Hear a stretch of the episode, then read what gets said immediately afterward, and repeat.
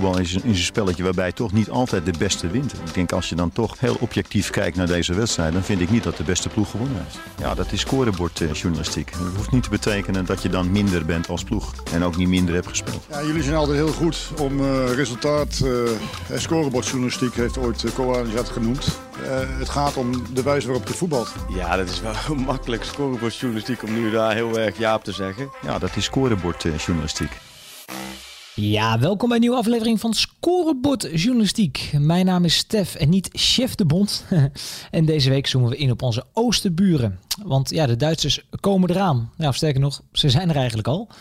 Want ja, er was een tijd in de Eredivisie, dan had je de Denen. Die zaten in buitenwijken van Amsterdam, in appartementencomplex net buiten Tiaf. Die zaten daar samen en die speelden Nederlands voetbal, die aten stroopwafels. En na drie, vier weken, als Hans Kraaij junior ze dan voor de microfoon had, ja, dan spraken ze vloeiend Nederlands. Maar die Denen zijn inmiddels ingehaald. Fullgas voetbal is inmiddels net zo ingeburgerd als de buitenspelval. Ja, en gegenpressing is steeds vaker de norm. Ja, met dank aan de Oosterburen. Het zijn er inmiddels 42. 42 Duitsers die op een dag de autobaan hebben genomen en zijn neergestreken in ja, pakweg Venlo, Sittard, Almere. Ja, en nog, nog erger wil ik zeggen, nog beter misschien wel. In Eindhoven, Almelo en Arnhem zaten zelfs een Duitse trainer langs de lijn. Die Duitse invloeden zijn niet meer tegen te houden. Maar de vraag is eigenlijk, wat zijn die Duitse invloeden eigenlijk en hoe erg is dat? Ja, daar proberen we deze week een antwoord op te krijgen in Voetbal International ook op VI Pro. Nou, in uh, de nieuwe VI aandacht voor de nieuwe sterren van de Eredivisie. Zo is er een uitgebreid interview met PSV'er Philip Max, Fortuna frontman Sebastian Polter en Heracles trainer Frank Wormoed. Uh, verder aandacht voor de acht Duitse doelmannen in de Eredivisie, de problemen van het Duitse voetbal en de Nederlandse lessen van Julian Nagelsman. Ga dat vooral lezen, zowel op VI Pro als in het magazine. Ja, in deze podcast pikken we eigenlijk twee zaken eruit. Eerst ga ik zo meteen even praten met PSV-watcher Marco Timmer. Die heeft deze zomer een complete enclave Duitsers naar Eindhoven zien trekken. En bovendien sprak hij uitgebreid met Philip Max, ja, de linksback die de ene assist naar de andere geeft, die ook nog doelpunten maakt. Toch een soort van sensatie mogen we zeggen. Wie is die jongen eigenlijk en, en hoe kijkt hij aan uh, tegen de eredivisie en uh, de Duitsers daarin? En vervolgens praat ik verder met uh, hoofdredacteur Pieter Zwart. En die gaat proberen de invloeden van die Duitse trainers een beetje te duiden. Van ja, wat, wat zijn die invloeden? Waar zien we terug? Werkt het allemaal? Kan het eigenlijk wel in Nederland? Nou, daarover ben ik met hem in gesprek gegaan. Ga dat vooral even luisteren. Ik wens jullie veel luisterplezier en alvast tot volgende week. Ja, Marco Timmer, jij volgt PSV. Afgelopen seizoen was daar Mark van Bommel. Dit jaar kwam daar Roger Smit binnen met een Duitse staf, met een hoop Duitse spelers. Ja, wat merk jij van die Duitse invloeden eigenlijk in Eindhoven? Um, maar ik merk vooral dat ze, en met name dan Roger Smit, de hoofdtrainer, dat hij uh, dat de zaken gewoon heel anders aanpakt dan wat wij in Nederland uh, gewend zijn. Uh, daar krijgt hij ook heel veel kritiek voor. En um, soms terecht, soms niet. Maar um, ja, hij doet het op zijn eigen wijze. En dat is anders dan wij in Nederland uh, gewend zijn van een hoofdtrainer. Hè? Met name het, ja, de vele wissels die hij doet. De, ja, niet altijd zijn beste spelers laten spelen. Mensen veel rust geven in de drukke, drukke schema. Uh, zo ongemeen fel uithalen naar Bas Nijhuis. Dat, kennen we, ja, dat kende ik ook niet. Je hoort wel eens een trainer die wat zegt over scheidsrechter, maar nooit zo fel. Ja, dat zijn toch wel de dingen die je merkt. Um, inhoudelijk de trainingen die, die kunnen wij niet zien. Dus daar, daar zie ik weinig van. En ja, Duitse invloed op het spel van PSV is, uh, ja, die, die zou er moeten zijn. Want dat is natuurlijk waarom hij gehaald is. Dat zie je ook wel af en toe. Maar met vlagen en uh, lang niet altijd. En helemaal nog niet zoals hij wil en zoals hij bedoeld heeft. Sterker nog, um, hij, is, hij stapt soms van zijn geloof af, van, zijn geloof af hè, van het pressen. Dus die Duitse invloeden, die, eh, die, die zien we nog minimaal. Um, en uh, we gaan ook over Philip Max hebben straks. Maar die zegt ook in een interview van... ja, dat heeft echt nog meer tijd nodig. Jullie verwachten dat dat, dat dat veel sneller gaat dan dat het eigenlijk kan. Nou, je ziet tegen Twente dat hij inzakt. Je ziet tegen Ajax dat hij inzakt. Tegen Vitesse onlangs speelt hij met vijf verdedigers ineens. Ja, dat is niet wat hij uh, voor ogen had toen hij kwam bij PSV. Hè. Dat, toen moest het een pressingmachine worden. Geheel in de stijl van Schmid, zoals we dat kennen bij Leverkusen en uh, eerder bij Red Bull Salzburg. Dat hebben we nog niet gezien. Te weinig. Ja, en dat is dan vooral wat we op het veld zien. En even, even aan de achterkant. Je zegt al, trainingen zijn bijna niet uh, openbaar. Dat komt door corona. Maar ook qua staf en, en qua spelers. Hoe, hoe Duits is PSV eigenlijk op dit moment? Ja, vrij Duits. Ze hebben Ja, iedereen kent het vorige seizoen. Dat was niet alleen een seizoen waarin een trainer, Mark van Bommel in dit geval, ontslagen werd. Het was een heel heftig uh, seizoen. Dus de trainer werd ontslagen. Maar daarna ja, kwam eigenlijk een eruptie van uh, frustratie en woede en boosheid naar buiten. En er werd over en weer met bodden gesmeten. Ja, dan, dan kun je eigenlijk maar één ding doen um, als je naar voor een nieuw seizoen staat. En dat is kaart ingrijpen in de organisatie. Dat is wat er is gebeurd. En ze hebben schoon schip gemaakt.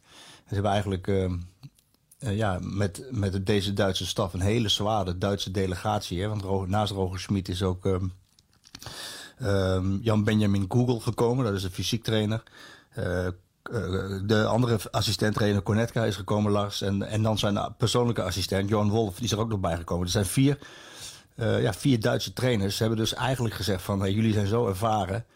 Doe het maar. En kom maar met nieuwe ideeën, met nieuwe energie we moeten het heel anders doen. We gaan het over een hele andere boeg gooien. Ook, ook omdat ze bij PSV ook wel weten dat, dat Ajax een veel hoger budget heeft. Dus dan moet je iets anders proberen om uh, toch nog heel lang mee te gaan in de titelstrijd. En ze hebben gedacht dat dat met Schmid zou gaan gebeuren.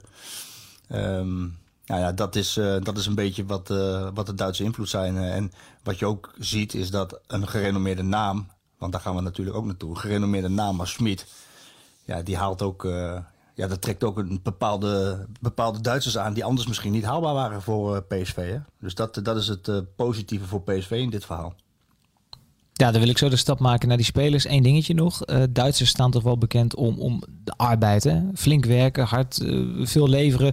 Het was ook Frank Wolmoed, trainer van Heracles, zei ook van... ja, in Duitsland kun je het verschil niet maken op fysiek vlak. Want al die ploegen, die zijn, die zijn gewoon scherp, die zijn afgetraind, die staan daar de bijnaam van Google die je noemt, die, die kreeg in de voorbereiding de bijnaam Sloopkugel volgens mij, als ik me niet vergis. Ja. Hoe, hoe fit is PSV, Marco? Want hij, hij blijft wisselen, Smit. Hoe fit is dit PSV? Nou ja, hij, ja, kijk, zij hebben natuurlijk veel meer inzicht in, in de data. Um, en de fysieke toestand van de spelers na wedstrijden, het reizen wat erbij komt, het drukke schema, daar hebben ze veel meer inzicht in dan, dan wij van de buitenkant. Wij, wij denken heel vaak en heel snel, ja, jonge kerels, die moeten toch uh, twee wedstrijden om de drie dagen kunnen spelen. Dus een wedstrijd om de drie dagen, dus twee, twee wedstrijden of drie wedstrijden in een week, dat moeten ze kunnen. Het schijnt heel lastig te zijn en hij. Uh, de Smit in dit geval doet niets anders dan zijn spelers continu beschermen. Beschermen tegen overbelasting, beschermen tegen blessures. Nou, het gekke is dat, dat hij dat voor de winterstop steeds gezegd heeft. En ook steeds zijn acties daarop heeft aangepast. En zijn beste spelers, zoals bijvoorbeeld Malen, heel vaak uh, rust gegeven of voortijdig gewisseld. Ja, en uiteindelijk uh, moet dat dan effect hebben na de winterstop. En wat je ziet is dat dat eigenlijk niet zo is. En uh, ja, waar dat dan mee te maken heeft, dat het toch de fysieke toestand van de spelers niet dusdanig is dat ze dat wel kunnen opbrengen. Of dat hij te voorzichtig is, dat kan natuurlijk ook. Maar je ziet bijvoorbeeld bij. Uh, ja, Gakpo heeft een hele vervelende blessure. Dat is een enkel blessure. Dat kan, dat kan hè, dat is een contactsport. Maar bijvoorbeeld Madueke, ja, die is er toch weer langer uit dan gedacht met een hamstringblessure. Ja, zo'n jongen is 18 jaar oud. Die heeft een hamstringblessure. Dat zie je in de wedstrijd. En hij gaat zitten. Vervolgens gaat hij staan. En wil hij het veld weer in? Ja, op dat moment moet de technische staf natuurlijk ingrijpen. En zeggen van, hé, hey, jij gaat er niet meer in. Dat, heeft, dat hij er wel weer in ging en nog een minuutje heeft doorgehobbeld. Ja, heeft er wel voor gezorgd dat die blessure bijvoorbeeld verergerd is. Uh, sterspeler Mario Gutsen komen zo meteen nog op. Maar ja, daar is hij voorzichtig mee omgegaan. Omdat die jongen natuurlijk ook een achterstand heeft. Hè, qua uh, arbeids, uh, arbeid in de voorbereiding heeft hij niet gehad. Alleen voor zichzelf. Hij kwam op de laatste dag van de transferwindow. Ja, dat, dat je daar voorzichtig mee bent, dat snap ik. Ja, dat je dan vervolgens uh, zoveel pech hebt dat die jongen in de winterstop een liesblessure oploopt. Waardoor hij uh, acht, uh, acht tot tien wedstrijden niet kan spelen. Ja, dat, dat is natuurlijk hartstikke vervelend. En dan vraag je je af van ja, um, hoe, hoe kan dit nou? En, en PSV heeft dus ja, toch wel dusdanig veel blessures. Terwijl de trainer voor de winterstop heeft aangegeven van ja, we gaan juist zo voorzichtig met onze spelers om. Ik wil ze beschermen. Ja, dat is vervelend en dat is voor PSV heel, heel lastig. Want ja, als je uh, Gakpo lang moet missen, maar weken die bezig was aan een uitstekend seizoen, Gutsen, ja, dan praat je toch wel over drie bepalende en beslissende spelers. En uh, ja, dat heeft PSV uh, geen goed gedaan. Zeker niet na de winterstop. Um, dus zijn werkwijze is duidelijk. Hij wil zijn spelers beschermen. Hij wil daardoor ook anderen de kans geven. En dan zie je ook dat hij, als je een, een, een kijkje in zijn hoofd wil nemen, dan, dan is dat heel makkelijk. Want hij geeft aan, bijvoorbeeld bij een Ryan Thomas, na een wedstrijd, uh, bekerfinale of bekerwedstrijd tegen, Volendam, tegen Volendam, dat hij zeven kilometer gelopen heeft in, een, in één helft. Dat, dat, dat labelt hij dan zo op. En daar is hij heel erg van onder de indruk. Dat, en dat, dat is een beetje het type speler waar hij naar op zoek is. Jongens die kunnen blijven gaan. Die, die, die een overload aan arbeid aankunnen. Die bijvoorbeeld Rosario, bijvoorbeeld de Zangaré. Dat zijn fysiek sterke jongens die in dat systeem wat hij wil spelen... altijd spelen en ook uh, altijd voorop gaan qua fysieke arbeid. En daar focust hij zich heel erg op. En dat is ook iets anders dan wat wij gewend zijn ik, ik, refereer altijd aan Van der Vaart, die, die dan, als het over fysieke arbeid gaat, dat, we dan zeggen, dat hij dan zegt: geef mij het balletje maar. Dan doe ik er wel iets goeds mee. Dan schiet ik met netje of ik geef, uh, ik geef een assist. En uh, ja, hij is heel erg, hij kijkt heel erg naar de fysieke arbeid die spelers kunnen leveren. En ja, dat is toch ook anders dan dat, dat, dat we in Nederland toch gewend zijn. Dat is behoorlijk on-Hollands inderdaad. Maar ja, dan gaan wij altijd kijken naar resultaten. En die ja, die zijn mhm. best oké, maar ook nog niet uh, van de dagenschil. Staat een beetje aan natuurlijk wat Filip Max tegen jou zei, dat dat tijd nodig heeft. Uh, jij gaf net zelf al aan, dankzij de komst van Smit zijn er ook andere spelers naar PSV gekomen. Uh, ja, Guts is denk ik het beste voorbeeld, hè? Ja, ja dat, en kijk, iedereen die zegt van ja, ze hebben Smit de sleutels van de kluis gegeven. hij mag het allemaal bepalen op technisch vlak.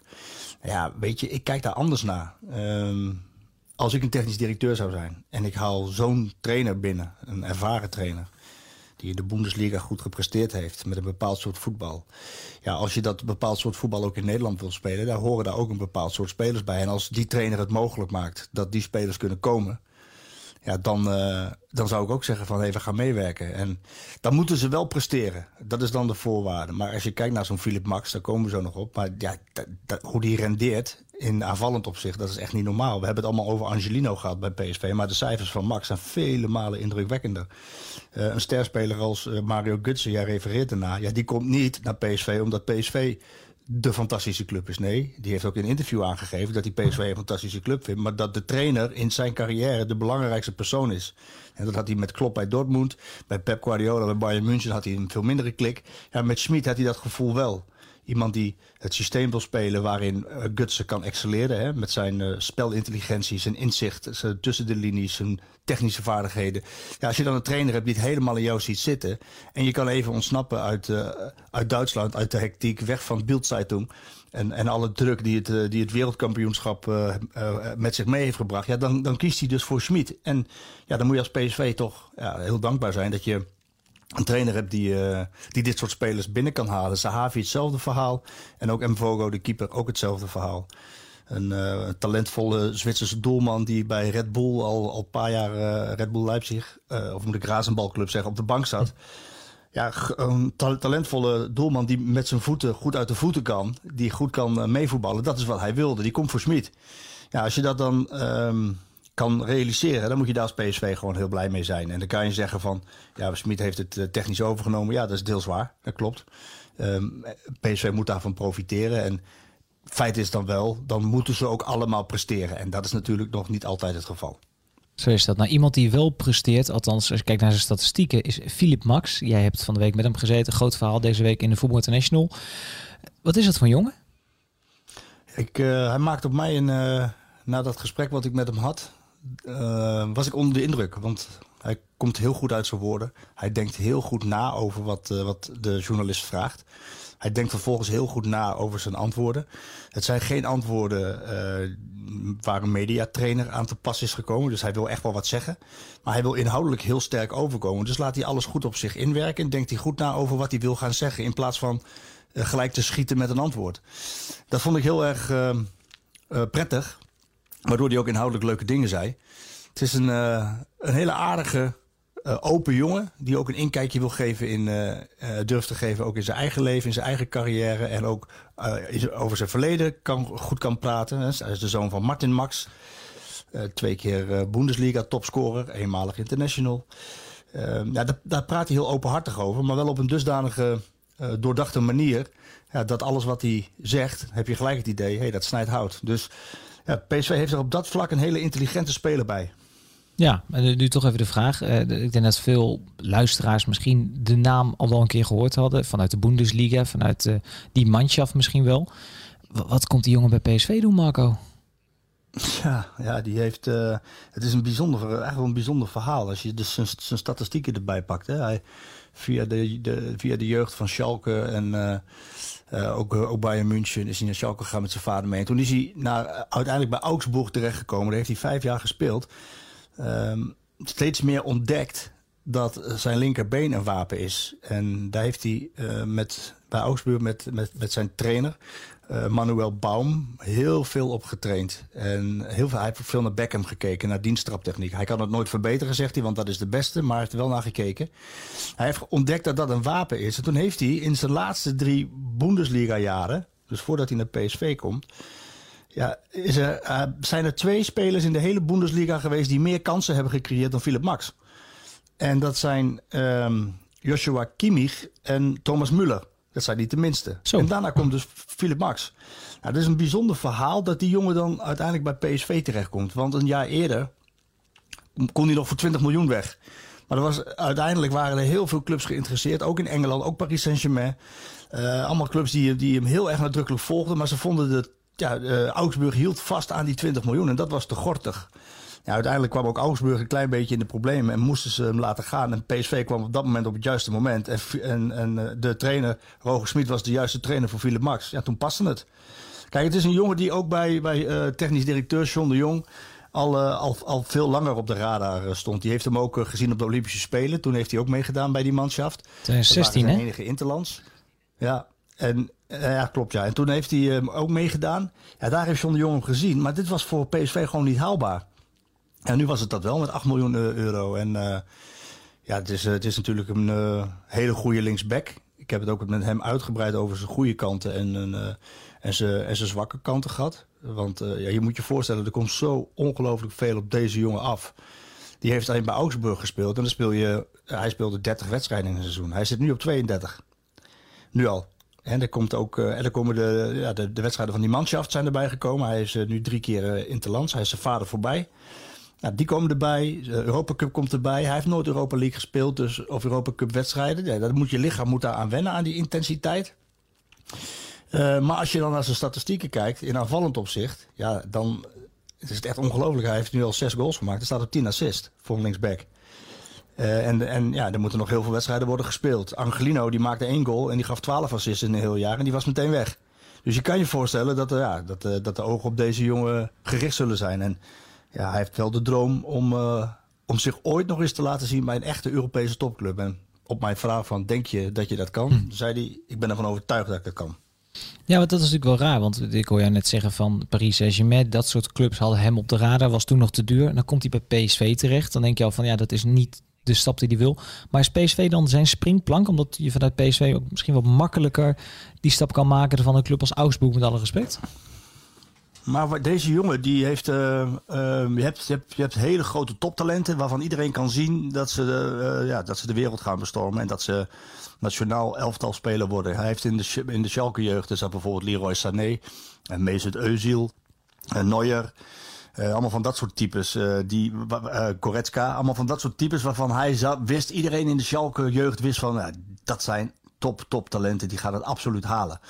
Um, en die gaan niet alleen een, een goede Schalke-speler worden. Nee, die gaat een Europese top en Duits elftal. Dat was bij hem nooit zo. En hij heeft keihard moeten werken om te realiseren dat wat hij nou realiseert. En hij wordt alleen maar beter naarmate hij ouder wordt. En hij zei, hij sprak daarover, net als, uh, alsof, alsof het over zijn vader ging. Want ja, die kwam uit Polen, die kwam met niks. En die moest al, altijd maar tegen vooroordelen opboksen en keihard werken om dat te bereiken wat hij heeft bereikt. En hij heeft ingezien en steeds meer beseft dat als je uh, als je je focus houdt en als je keihard werkt, dat je ook dat kan realiseren. Wat die jongens in de jeugd van Schalke ook uh, uh, makkelijker realiseren. Nou, hij doet het op die manier. En hij past zich wat dat betreft wat, ja, redelijk snel aan. Um, en hij denkt echt dat hij uiteindelijk daar terecht kan gaan komen. Enige zaak is wel, en daar heb ik ook met hem over gehad, is van ja, uh, nou, we hebben een klein verschil van inzicht in. Hij zegt, uh, ja, aanvallend is het natuurlijk heel erg goed. Maar verdedigend uh, moet het beter. En hij hoort, behoort tot de backs van de topclubs die het meest voorbij gedribbeld wordt. Um, en dat komt natuurlijk ook omdat hij heel vaak onderweg is. Nou, als dan ook nog Dumfries onderweg is, ja, dan heb je gigantische ruimtes in de verdediging. En dan is meteen eigenlijk ook wel het grote aantal kansen voor de tegenstanders verklaart. Hij, hij geeft dat toe, dat dat vaak gebeurt en dat ze daarover over spreken. Maar tegelijkertijd zegt hij, ik heb in de Bundesliga gespeeld en daar was verdedigen echt een goed aandachtspunt voor mij. En ik heb daar tegen hele grote spelers verdedigd. En daar heb ik heel veel grote stappen in gemaakt. Nou, en dat ik nu bij PSV zit, helpt mij dat, dat ik in aanvallend opzicht en aan de bal weer grote stappen maak. Want bij Augsburg heb je vaker de bal niet dan wel. En dat klopt. Bij PSV heeft hij vaker de bal en dan kan hij zijn aanvallende uh, kwaliteiten etaleren. Maar je moet niet vergeten dat je in eerste instantie natuurlijk ook linksback bent. En ja, daar, dat is wel een uh, ja, ja, dat is een, een groot aandachtspunt. Want ja, je kan niet zo makkelijk de kansen weg blijven geven natuurlijk. Maar nogmaals, die aanvallende statistieken zijn echt indrukwekkend. Hè? Als je nu al op 10 assists staat en 6 goals als linksback. Ja, dat, en dan kom je uiteindelijk, zal die ja, op flinke getallen uit gaan komen. Dan uh, kan ik me voorstellen dat het bij een ja, één, jaar, één jaar PSV blijft. Ja, dat was uiteraard mijn vervolgvraag. Uh, Smit wil bouwen met PSV. Dat, uh, de, de, landstitel wordt dit jaar waarschijnlijk lastig. Maar ja, dan volgend jaar misschien maar. Maar waarschijnlijk, als het zo doorgaat, dan zonder zijn linksback. Nou ja, het grappige is, uh, als je praat over prijzen pakken... dat is waarom Smit gekomen is. Hè. PSV moet altijd om de titels strijden. Dat is ook waarom hij zo gefocust heeft op de beker. Hij wilde hij heeft die jongens echt uh, duidelijk gemaakt dat, uh, dat de beker niet een uh, ondergeschoven kindje is, zoals wij af en toe denken. Hè? Die dennenappel, ja, die, die hoeft niemand. Maar hij wilde juist wel die beker winnen. En ook omdat PSV dat in het verleden niet vaak gedaan heeft. Omdat hij ook heeft gezien, en dat zegt hij natuurlijk ook steeds, en dat, ja, je, je kan er wat van vinden, maar hij heeft gelijk. dat Ajax gewoon wegloopt. En um, dat heeft. Kijk, PSV investeert 20 miljoen in de hele selectie. En dat is heel veel geld voor een Nederlandse club. Uh, met de komst van Max en Sangaré en de salarissen voor uh, Mvogo en uh, of huur voor Mvogo en ook Gutsen en Sahavi. Maar, maar Ajax haalt in, één, in, in de winterstop één spits op voor 22,5 miljoen. Dus de verhoudingen zijn totaal veranderd. En ja, dat zegt Philip Max zegt dat ook tegen mij. Van, van, ik, zeg, ik zeg, wanneer is jouw seizoen geslaagd? Of wanneer is het seizoen voor PSV geslaagd? En hij geeft aan van ja, uiteraard als we een prijs winnen. maar als dat niet lukt en we zijn met z'n allen beter geworden we hebben er alles aan gedaan. En we worden uiteindelijk tweede, omdat dat de plaats is uh, die we dit seizoen uh, moeten halen. Met oog op Champions League voetbal. Dan kan ik daar ook tevreden mee zijn. Dus, en Smit die geeft ook steeds aan. Ja, Ajax heeft een hoger budget. Wij moeten over over performen.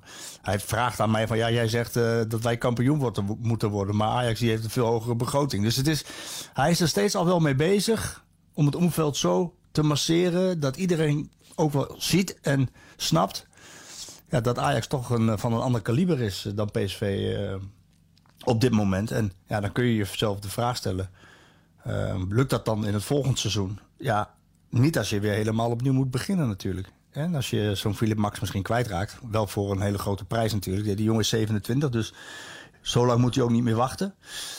Uh, nou, dan, kan je daar goed aan verdienen. Maar als je kijkt naar Malen, die moet dan weg. Hè, want PSV die gaat uiteindelijk een gigantisch miljoenentekort krijgen. Mede door corona. Waardoor je echt veel spelers moet verkopen. Sam Lammers die is voor 10 miljoen gegaan. Nou, dan moet Malen weg. Dumfries zal gaan. Ja, die moeten dat gat vullen. Maar dan, dan ben je er nog niet. Want als je dan uh, het voetbal van Schmid wil spelen. Ja, dan zal er ook doorgeselecteerd moeten worden. En dan kun je je afvragen. Um, welke spelers zijn goed genoeg? Is Mauro dan goed genoeg voor PSV? Eh, is Thomas dan goed genoeg voor PSV? Hoe zit het met Rosario? Wil die wel blijven na alle kritiek die hij heeft gekregen? Het is bij de achterban is het uh, niet altijd een uitroepteken, maar veel vaker een vraagteken. Uh, Zo'n Zangaré. Moet je dan met één controleur spelen of, of, of toch met die twee blijven staan? Hoe zit het met uh? Hoe zit het met Boskagli? Ja, als Dumfries gaat en Max gaat, heb je dan weer twee goede, uh, goede backs, opkomende backs die zulke aanvallende getallen kunnen overleggen terug. Hoe zit het met de keeper? Nog geen echte punten pakken. Wel mooie momenten, maar niet, niet de punten pakken die je verwacht. Dus er zijn heel veel vraagtekens bij PSV voor het komend seizoen.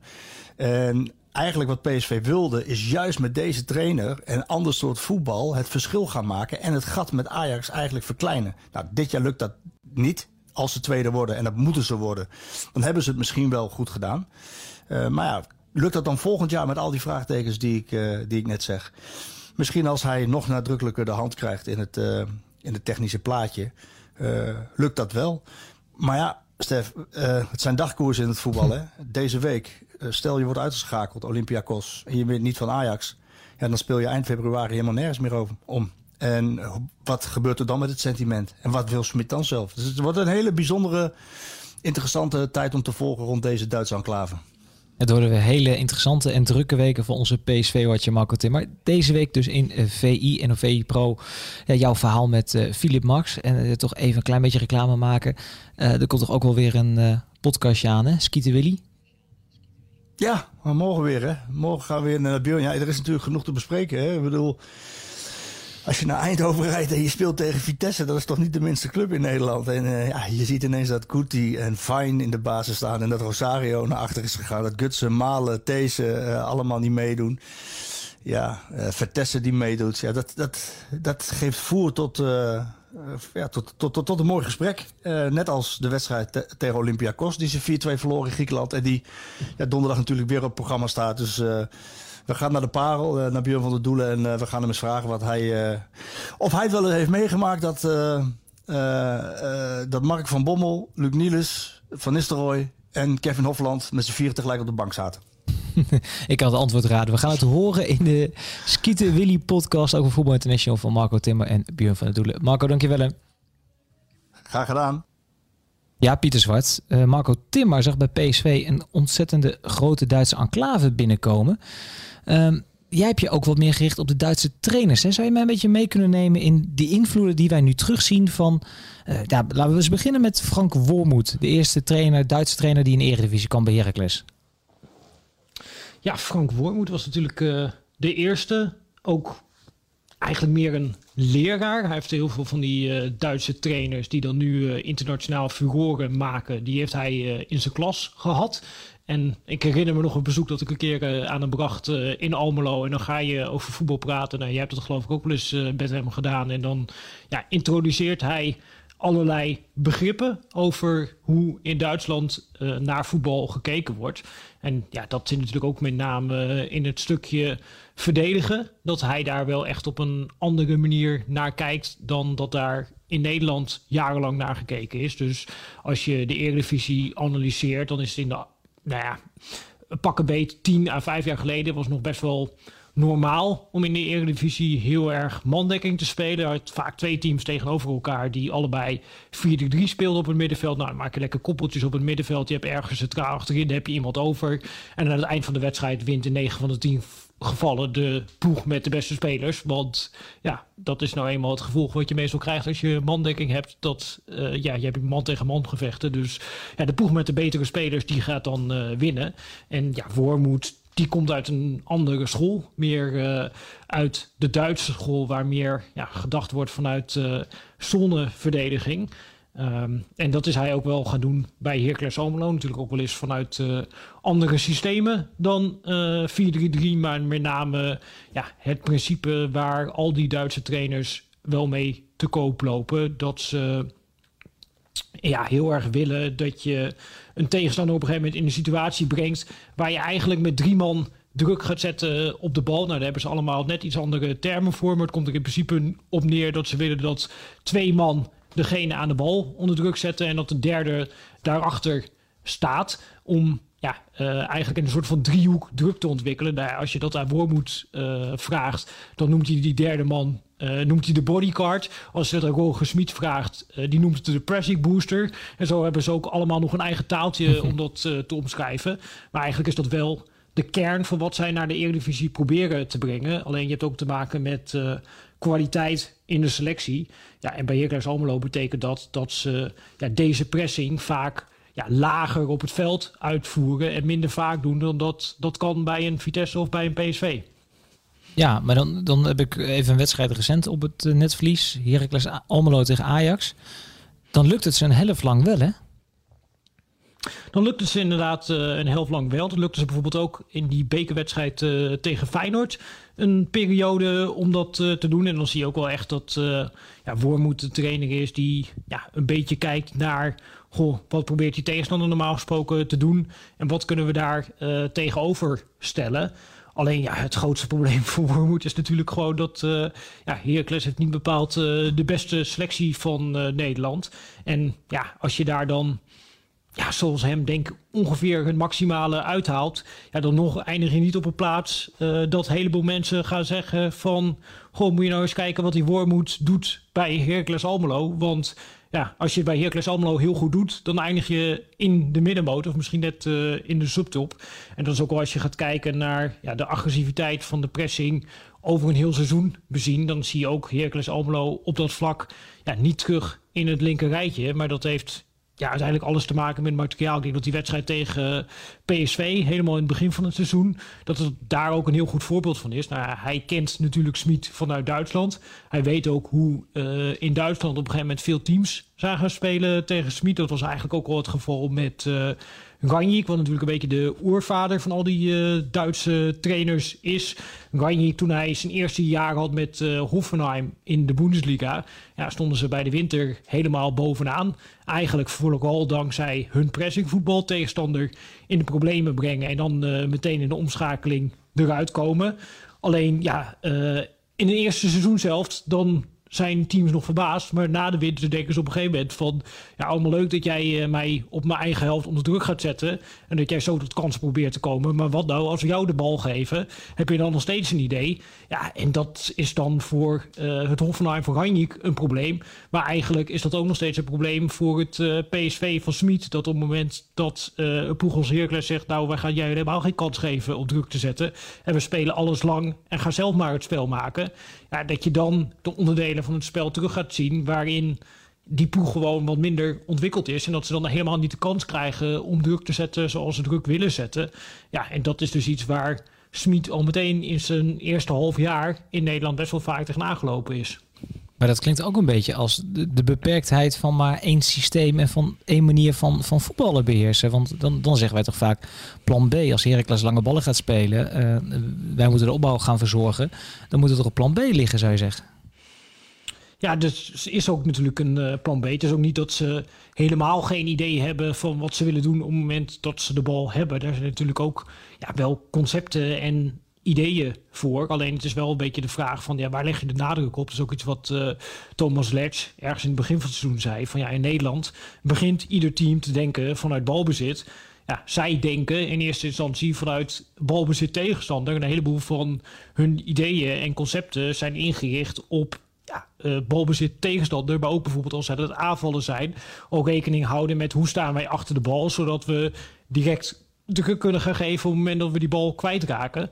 Alleen als dat je uitgangspunt is en de tegenstander geeft jou continu de bal, ja, dan kom je eigenlijk in dat gedeelte van het spel te spelen waarin ja, niet per se de kracht ligt van je elftal. En ja, Smit heeft daar natuurlijk ook nog de problematiek bij gehad dat als je zijn eerdere teams gaat bekijken, dan heeft hij altijd hele ja, agressieve, directe buitenspelers gehad die dan, nou, dat zijn dan meer die uh, halftienen in zijn 4-2-2-2 systeem, wat uh, eindeloos vaak benoemd is. Maar dan heb je het over spelers zoals Jungmin Son, uh, Karim Bellarabi, een speler als Sadio Mane, die die bij Red Bull Salzburg had. Ja, die gewoon ja, een individuele actie hebben, die diepgang van de bal hebben. En dan kunnen ze ook aanvallend met die snelheid spelen, waarmee hij het liefst aanvallend wil gaan spelen.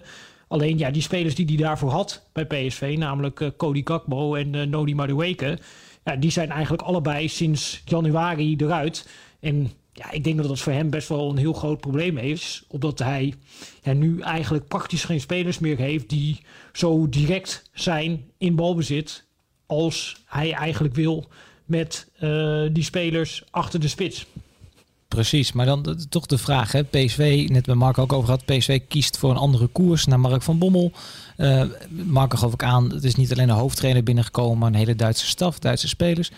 Uh, je legt je het lot van je club wel in handen van iemand die één bepaalde tactiek heeft, die een bepaalde visie heeft. En nu zeg jij eigenlijk van ja, als uh, Madueke en Gakpo er niet zijn, dan valt een deel van zijn plan eigenlijk al weg.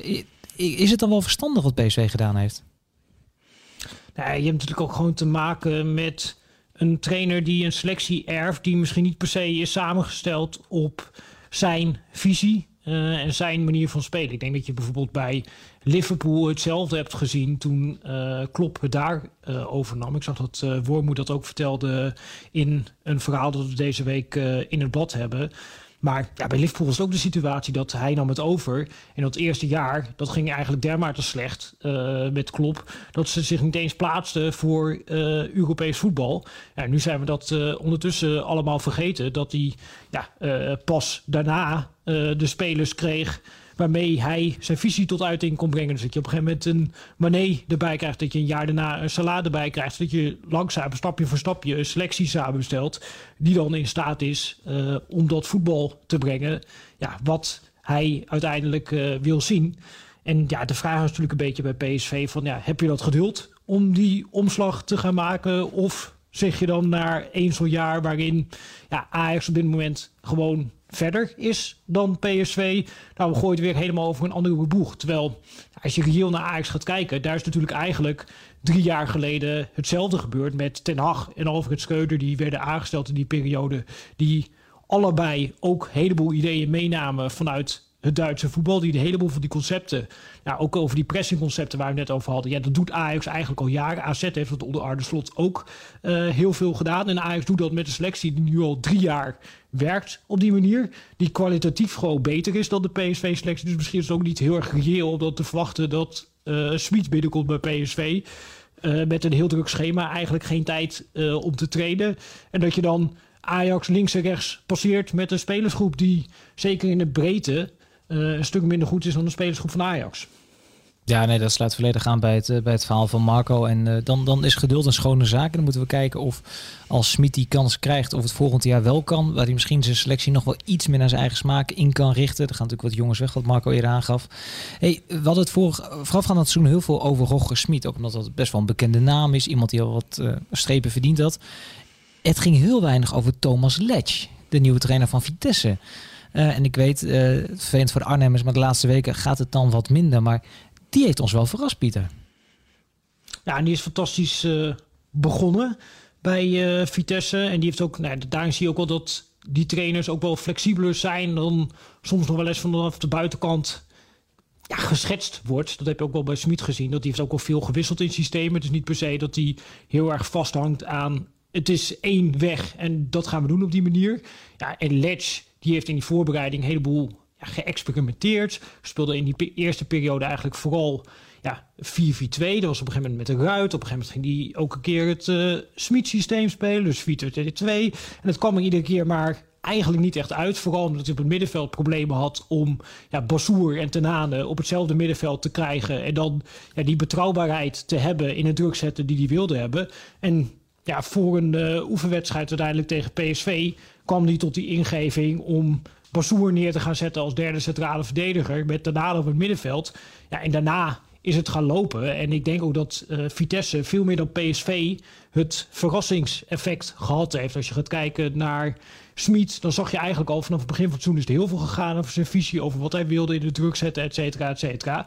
En ja, geen enkele tegenstander was verrast door de manier waarop PSV dat probeerde te doen. En dat heeft Vitesse wel gehad, dat hun onorthodoxe 5-3-2, ja, dat heleboel teams daar problemen mee hadden. Vijf teams die tegen Vitesse gespeeld hebben voor de winterstop, hebben geprobeerd om ook 5-3-2 te spelen tegen de 5-3-2 van Vitesse. En eigenlijk hebben die alle vijf niet gewonnen. Er is maar één team die op die manier een punt heeft gepakt. En dat was het uh, FC Groningen van Danny Buis. Die ook vaker 5-3-2 spelen. Uh, en daarin zie je dat, ja, dat verrassingseffect van... hé, hey, zij doen het anders, hoe gaan we daarmee om? Ja, dat dat Vitesse heel veel punten heeft opgeleverd. Alleen die zitten nu in een fase dat ja, zowel de breedte van de selectie... als het feit dat ja, teams langzaam weten van... oké, ze doen dit en we kunnen dit er tegenover stellen... en dan hebben ze er moeite mee. Ja, nu gaat Letch uh, in de fase komen waarin hij daar weer iets op moet gaan verzinnen. Om ja, Vitesse toch weer punten te laten pakken en ja, verder te brengen. En misschien ja, dan toch die uh, Europese voetbalkwalificatie af te gaan dwingen. Ja, dus eigenlijk zeg je Vitesse en Letch moeten zich opnieuw gaan uitvinden. Die moeten opnieuw gaan verrassen. Dat klopt, ja, dat klopt. Ja, ze hebben iets gedaan in het begin van het seizoen. Ja, waar een heleboel teams geen antwoord op hadden. En nu zo langzamerhand ja, weten teams wat ze daar tegen moeten doen. Dat ze die drie centrale verdedigers, dat ze die meteen moeten vastzetten. Op die manier Vitesse een beetje dwingen tot lange ballen. En dan gaan op een gegeven moment uh, Bazoer en Tenane steeds meer uit positie lopen. En heb je Vitesse in de hoek waarin je Vitesse wil hebben. En ja, dat betekent dat uh, Lerts weer moet gaan kijken naar... hoe kan ik dan toch weer tegenstanders uh, gaan verrassen... om ja, dan toch weer die oplossingen te gaan vinden. En ja, dat is nu zijn taak. Uh, om dat uh, voor elkaar te gaan krijgen. Maar goed, als zij uh, in de halve finale van de beker dat voor elkaar krijgen tegen VVV Venlo, dan sta je al in de bekerfinale. En ze staan natuurlijk ook in de competitie nu op een plaats die denk ik met ja, deze selectie meer dan het maximale is. En wat dat betreft is dat verhaal misschien een beetje vergelijkbaar met dat van Wormoed bij Heracles. Ze doen het eigenlijk hartstikke goed, misschien wel boven verwachting. Alleen ja, zolang nog niet is om een plek uh, echt uh, in de kampioenscase, wat natuurlijk ook onrealistisch is op de verwachten van Vitesse, ja, dan sneeuwt dat eigenlijk een beetje onder dat die best wel goed werk doen in anonimiteit. Ja, maar dan hebben we dus over twee van de drie Duitse trainers die misschien wel bovengemiddeld werk leveren. Dan hebben we te maken met Schmid, die uh, ja, een nieuw proces begonnen is, iets wat tijd nodig heeft. Dan is toch een beetje de vraag, en ook, ja, ik hoop daar een antwoord op te vinden, ook in de VI van deze week in een verhaal op VI Pro, van die Duitse invloeden. Wat, wat doet dat nou met de Eredivisie? Even de vraag aan jou, is het een zegen, Pieter? Ik denk het wel. Juist ook om waar we net over hadden, bijvoorbeeld met zo'n Vitesse. Kijk, alle teams in de Eredivisie zijn nu geconfronteerd met een team dat speelt op de manier uh, zoals Vitesse dat doet. Door druk te zetten vanuit een 5-3-2.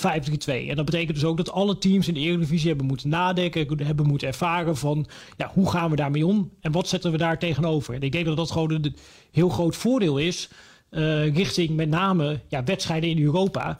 Ik herinner me die wedstrijd van uh, PSV tegen Las Liens bijvoorbeeld vorig seizoen. Ja, dat is eigenlijk best wel heel goed te vergelijken qua systemen, qua intenties... met uh, de manier waarop Vitesse op dit moment in de Eredivisie speelt. En destijds ja, kwamen ze tegen Las Liens te staan... en werd, was het eigenlijk een soort van overvaltactiek... Uh, en heb je die wedstrijd verloren in Europa... en lig je op een gegeven moment uit de groepsfase van de Europa League... Ja, omdat je dat andere systeem even niet zo heel erg goed zag aankomen. Dat je dat nooit in de Eredivisie ervaren hebt. Ja, op het moment dat ploegen dat ook hier gaan ervaren. En dat ze ook hier al ja, oplossingen gaan vinden van hé, hey, als de tegenstander iets anders doet, dan gaan wij daar op die manier mee om. Dan worden daar denk ik zowel die teams als individuele spelers gewoon beter van. Uh, in de Eredivisie is het niet meer zo dat hier, zoals lang het geval is geweest, 90 à 95 procent van de teams iedere keer vanuit een 4-3 formatie spelen. En dat je iedere week ja, eigenlijk hetzelfde tactische spelletje krijgt. Nee, je hebt nu veel meer ja, variatie daarin. En dat gaat er uiteindelijk voor zorgen dat uh, teams en spelers daar beter van worden. Alleen, ja, dat is natuurlijk iets waar uiteindelijk de fans van Heracles en Vitesse en PSV niet zo heel veel boodschap aan hebben. Hartstikke leuk dat misschien Smit is, goed is voor de ontwikkeling van de Eredivisie. En Smit ervoor zorgt dat uh, Ajax, AZ en Feyenoord beter worden. Alleen, ja, de taak van Smit is natuurlijk vooral om ervoor te zorgen dat uh, PSV beter gaat worden. Dus ja, dat, dat is het dubbele eraan. Ik denk dat je sowieso kan vaststellen dat uh, die trainers, doordat ze iets anders doen, uh, meer variatie bieden aan de Eredivisie. Dat de Eredivisie als geheel daar sterker van gaat worden. Alleen hun taak is niet om de Eredivisie als geheel sterker te maken, maar om hun individuele teams sterker te maken. Ja, maar het is wel leuk voor analisten zoals jij die net iets dieper naar het spelletje kijken. Al die andere tactieken. Als, bedoel, als iedereen 4-3 speelt en wat jij zegt in de mandekking, dan kun je het ongeveer uittekenen. Dan kun je alleen nog maar kijken naar de individuele kwaliteiten. Maar de, conclusie is misschien wel dat, dat de Duitsers ons een beetje uit onze comfortzone hebben gehaald. En we gaan zien hoe dat verder gaat. Wat denk jij Pieter? Gaan we, gaan we meer Duitse trainers zien de komende jaren? Uh, ik twijfel er een beetje aan of er heel veel meer Duitse trainers gaan komen. Ja, het is natuurlijk voor een deel ook een ja, hype en een soort van uh, effect van... Ja, je ziet nu dat internationaal een paar uh, Duitse trainers het goed doen. Nou, dat ligt natuurlijk qua taalgebied ook een beetje in de buurt bij Nederland. En dan zijn er een paar teams die deze keuze maken. Ja, en stel nou dat, mocht het heel raar lopen... dat in één keer volgend seizoen Smit wel kampioen zal worden met PSV, dan ga je misschien in één keer uh, allerlei kopieergedrag krijgen. En denken een heleboel teams, hey, dat werkt met zo'n Duitser. Ik wil ook een Duitser. Ja, zo opportunistisch is het voetbal natuurlijk. Van, het gaat uiteindelijk afhangen van... gaat Smit een keer kampioen worden met PSV... of wint bijvoorbeeld Vitesse de beker met Lex? van dat soort toevalligheden gaat afhangen of clubs ja, dat snel gaan kopiëren en denken, hé, hey, dat willen wij ook. Ja, of dat dat succes uh, uitblijft. Kijk, bijvoorbeeld Fortuna doet het nu ook in één keer heel goed met uh, George die zelf niet het achtergrond heeft als uh, profvoetballer. Ja, dat kan ook een soort van effect hebben dat in één keer allerlei clubs denken: oh, wij moeten ook een Nederlandse trainer uh, zonder profachtergrond. Of er wordt binnenkort weer eens een keertje iemand aangesteld die net zijn schoenen aan de wil gehangen heeft en die ook succes heeft. Zoals bijvoorbeeld Frank de Boer dat had bij Ajax. Ja, totdat je ook in één keer PSV met Philippe Cocu en in één keer Feyenoord met Giovanni van Broekhorst. Uiteindelijk is het de wereld waarin iedereen elkaar kopieert op het moment dat iets uh, succes heeft. Dus ja, je kunt het eigenlijk alleen voorspellen aan de hand van wie heeft uh, succes. En dan kun je de klok erop gelijk zetten dat iedereen dat gaat proberen te kopiëren. En mocht er een van deze Duitsers per ongeluk ergens een succesje boeken door een prijs te winnen, ja, dan gaat de hele Eredivisie dat kopiëren. Hebben ze geen succes, dan zien we voorlopig geen Duitsers meer terug. Uitstekend. De waan van de dag regeert in de voetballerij, zoals altijd. Pieter Zwart, dankjewel. Uh, diverse verhalen, ook van jouw hand overigens, te lezen op VI Pro en in het magazine. Ja, die Duitsers. Uh, we zitten er voorlopig nog even aan vast volgens mij.